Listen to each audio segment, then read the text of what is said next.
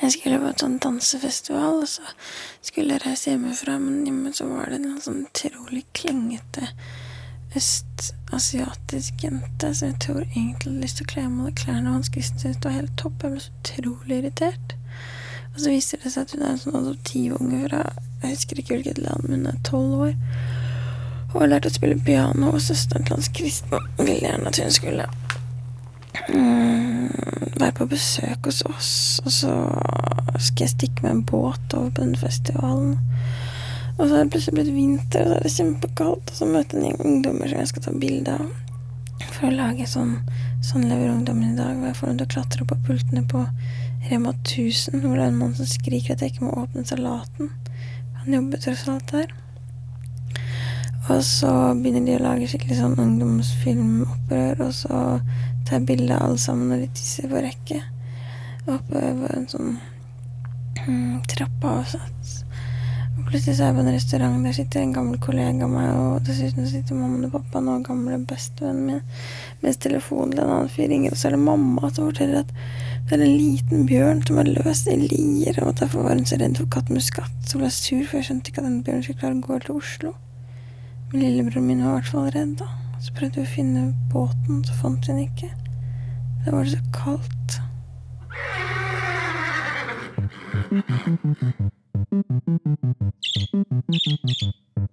Helt nakent til kolon.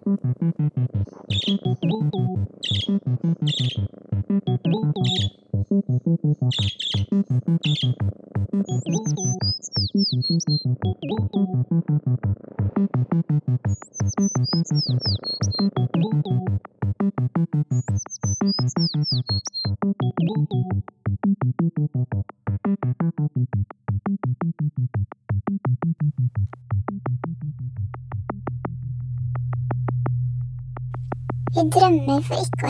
sånn om natta.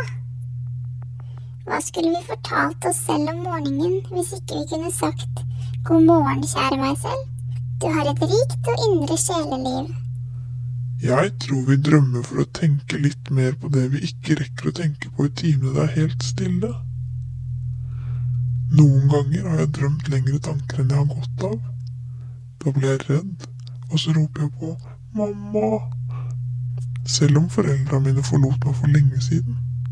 Noen sier de drømmer dette her, mens den virkelige verden finnes i en film der de bruker skinnklær og har rare solbriller og mange heter det samme. Den har jeg sett. Eller drømt. Eller drømt at jeg har sett Sett at det er sånn at du kunne velge hva du drømte om natta. Hva ville du drømme da? Den første drømmen jeg husker at jeg drømte noen gang. Da var jeg tre år gammel. Mamma, pappa og jeg sto utenfor inngangsdøren til blokka der vi bodde. Og i horisonten så var det en stor ørken med sandfarget sand. Og med store, store steiner som kom kastende mot oss. Så vi måtte løpe. Så det ble sånn sandtåke. Og da vi løp, så så vi fotsporene våre som var røde i sanden bak oss. Og så skulle vi flykte, men vi hadde glemt at regntøyet mitt fremdeles var i barnehagen. Så vi dro til barnehagen for å hente det.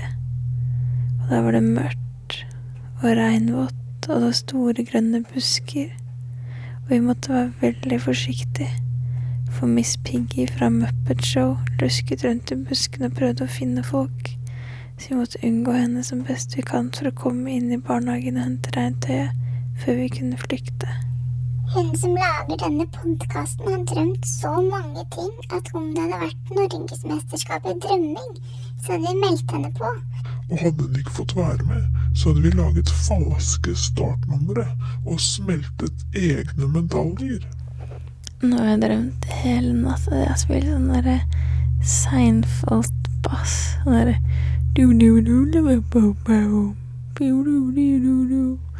Ganske morsomt. Drøm om hester. Er hesten hvit, så har du truffet den rette. Hvis den er svart, så vil du enten gjøre det bra i forretninger, eller så vil du få en utsettelse. En grå hest symboliserer vansker. Hvis hesten var blakk, betyr den kjærlighet. En brun hest symboliserer tenking. Hvis hesten er gråbrun, må du legge større vekt på enten jobben eller kjærlighetslivet. Flere hester betyr at ting vil gå bra. Setter du grime på en hest, er det noen du prøver å styre. Kjemmer du en hest, vil du foreta deg en heldig spekulasjon. Er du redd en hest, er du bekymret for noe. Hvis hesten sparket deg, kan du få dårlige nyheter om en venn. Jeg drømte at jeg møtte en del hester som folk drev og rei rundt på i Russland. Som var lagt sånn rideskole. Så var det en kjempemyk hest som jeg fikk lov til å skulle ri, men det tok ganske lang tid. For det var noen som skulle ri den første, så skulle vi spise suppe hele tiden. Alle togene sto på perrongen på en rar togstasjon. Og så pappaen til Hans Christian her, Han snakker bare i store bokstaver hele tiden. Og så um, trodde jeg at jeg spilte inn den drømmen her to ganger, men så ble jeg så flau, så jeg slo opptakeren, og så slo den aldri på. Men det viste seg ikke å være sant, for det er ikke før nå jeg gjør det. Og den ene hesten den var så veldig, veldig, veldig myk. Den var også litt nervøs. Finnes det drømmekjærester annet enn om natta? Hvis en sover om dagen, så Hva med drømmehager? Nja Det er litt mer komplisert. For de er det tatt patent på av lisensbaserte nytelsestjenester for øynene. Og drømmer du om drømmehager, kommer de og banker på døra di neste morgen og gir deg en bot som svir som et relativt ferskt brannsår uten skorpe. Damn girl! Journalisten Ed Samson i Boston Globe hadde en natt et mareritt der han så en øy som sank i havet, og strømmer av lava som veltet over gårder og landsbyer og mennesker, og en eksplosjon som sprengte en hel liten verden i filler i én en eneste ufattelig søyle av røyk og ild og søle. Og det påfølgende, kokende sjøvannet som straks fylte tomrommene hvor øya hadde vært bare et øyeblikk tidligere. Klokka var litt over tre på morgenkvisten. Samson satt alene på kontoret i Boston Globe. Han skrev ned drømmen. Fortalte om de panikkslagne innfødte på Pralape, en liten øy nær Java. Om vulkanutbruddet, om de tårnhøye bølgene og om den siste endelige eksplosjonen som hadde blåst Pralape bort fra jordens ansikt. Han glemte igjen arket på pulten sin da han gikk fra nattevakten, og ved et uhell ble drømmen funnet og trygt. Man trodde det var en melding som var kommet inn i løpet av natten, og slo den opp i fete typer tvers over førstesiden av Boston Globe. Tilsynelatende virket det som en godbit, for det var ingen av de andre Boston-avisene som hadde denne. Redaktøren videreformidlet historien til Associated Press, og snart var historien nådd utover hele Amerika. Det var dagens største nyhet, 29. august 1883. Men for redaktøren av Boston Globe ble det også etter hvert dagens store hodepine. For da de andre avisene begynte å be om flere detaljer, så kunne han ikke svare. Det var ingen forbindelse med Java, og ingen kunne finne journalisten som hadde skrevet historien. Ikke før utpå kvelden kom avisen i kontakt med Samson, som skamfullt tilsto at det hele i grunnen var et mareritt. Omtrent samtidig så gjorde byens bibliotek oppmerksom på at det ikke fantes noen øy ved navn Pralape, verken ved Java eller andre steder. Samson fikk sparken. Associated Press sammenkalte til toppkonferanse. Alle hadde dummet seg ut. Én måtte ta skylden. Boston Globe var nærmest. Avisen gikk med på å trykke en unnskyldning på første side. Men så begynte det å skje saker og ting.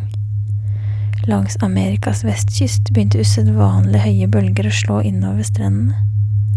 Fra forskjellige steder kom telegrafiske meldinger om at en stor naturkatastrofe skulle ha inntruffet et eller annet sted i indiske hav.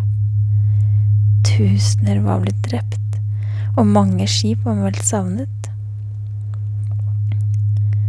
Et par dager senere kom historien om Krakatoa, øya i Sundastredet som hadde forsvunnet i en enorm eksplosjon. En eksplosjon som hadde satt i gang barometriske svingninger som hadde latt seg måle over hele verden. En eksplosjon som hadde laget et atmosfærisk sjokk som hadde sirklet kloden tre ganger. Øya Krakatoa begynte å skjelve 27. august, ble sprengt i småbiter neste dag og sank i havet 29. august. Med andre ord, de fryktelige scener som Ed Samson hadde sett i drømme, hadde virkelig funnet sted, samtidig, på den andre siden av kloden. Men han hadde kalt øya for Pralape, mens den i virkeligheten het Krakatoa. Det var en uoverensstemmelse som forble uoppklart i mange år. Helt til det hollandske historieselskap sendte Samson et gammelt kart hvor Krakatoa sto oppført under sitt egentlige, innfødte navn. Pralape. Et navn som ikke hadde vært brukt på over 150 år. Jeg har skrevet et dikt om det å drømme. Vil du høre? Nei. Det tror jeg ikke. Nils Bohr drømte atommodellen. Hvis du er kvinne og drømmer at du er gravid, bør du ta en graviditetstest. Det kan også være en advarsel om at du blir gravid hvis du ikke er forsiktig.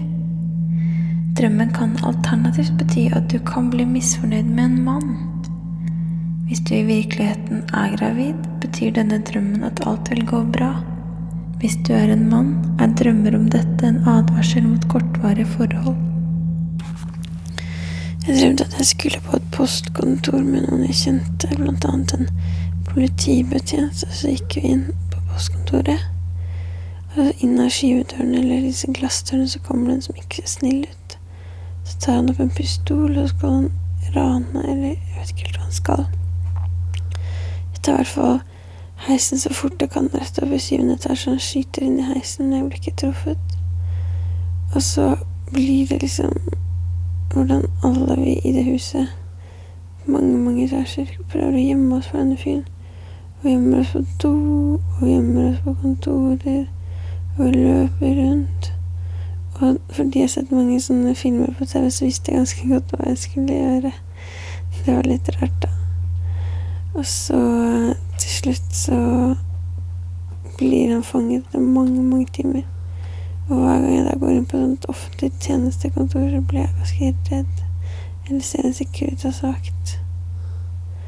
Og så var det en liten syvåring som gikk langs veien. Og så var det noen som ble sure for at denne personen fikk også litt lite frihet. Men da var jeg ganske sikker på at det hadde vært mye bedre om den personen ikke hadde blitt påkjørt, enn om det hadde blitt det. Så da talte jeg en streng sak for litt stram barneoppdragelse. Vet du hva jeg drømmer om? Hva da? Fred på jord. Sånn her snakker bare tåkefyrster. Men det er sant. I natt så drømte jeg noe jeg aldri hadde drømt før. Jeg drømte det var fred på jord, og all krig var slutt.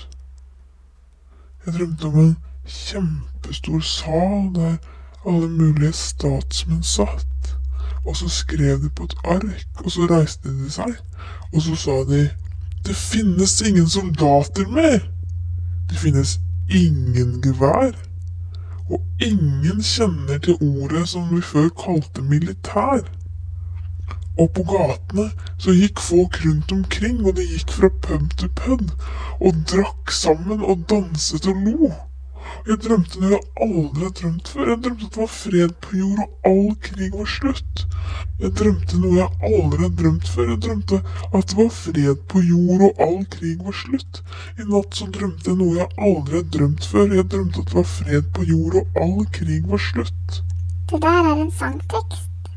Ja, kanskje er det det. Ja. Jeg vet hva jeg drømte, da. Ha-ha. Jeg drømte en drøm i tiden som har gått. Når håpet var høyt og livet var verdt å leve. Jeg drømte at kjærligheten aldri ville dø. Jeg drømte at Gud ville tilgi. Da jeg var ung, da var jeg uredd. Og drømmer, de var laget og brukte og kastet. Det var ingen gjeld å betale. Ingen sanger usunget. Ingen vin usmakt.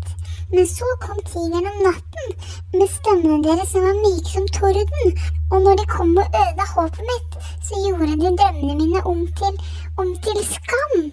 Og jeg har en drøm, en sang å synge, som hjelper meg å gjøre hva som helst. Og hvis du ser vidunderet i et eventyr, så kan du ta så kan du ta framtiden selv om du detter.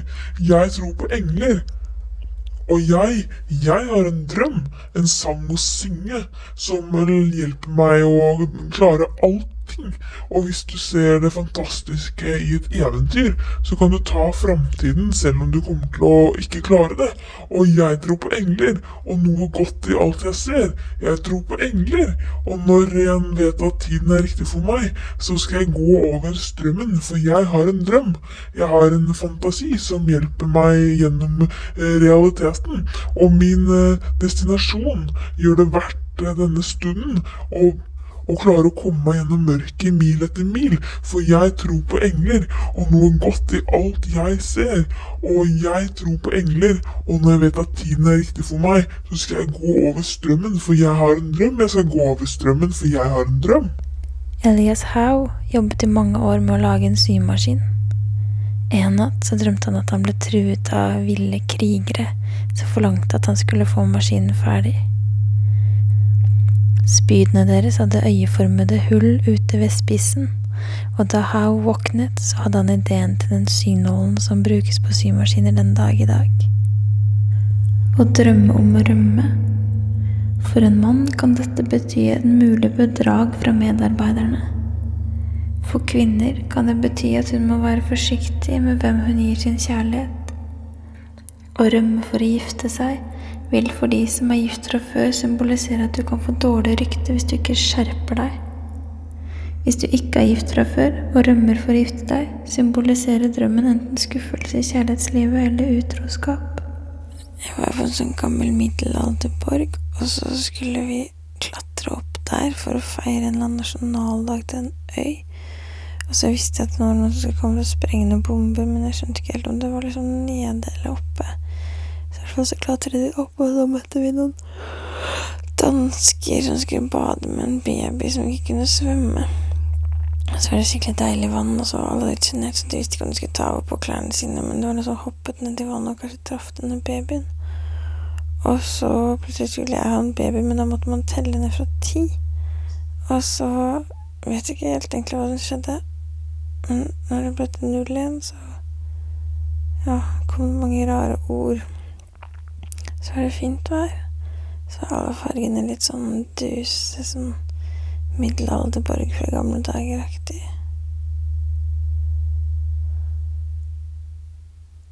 Og så var kjæresten til tremenningen min der, hun snakket masse dansk.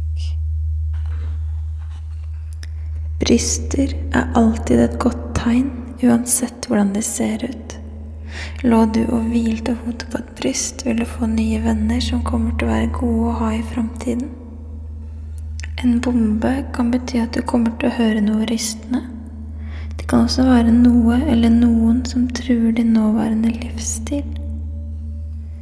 Hvis du luket ugress, vil du få det bra. Ellers vil ugress bety personer som kan komme til å ødelegge ditt omdømme.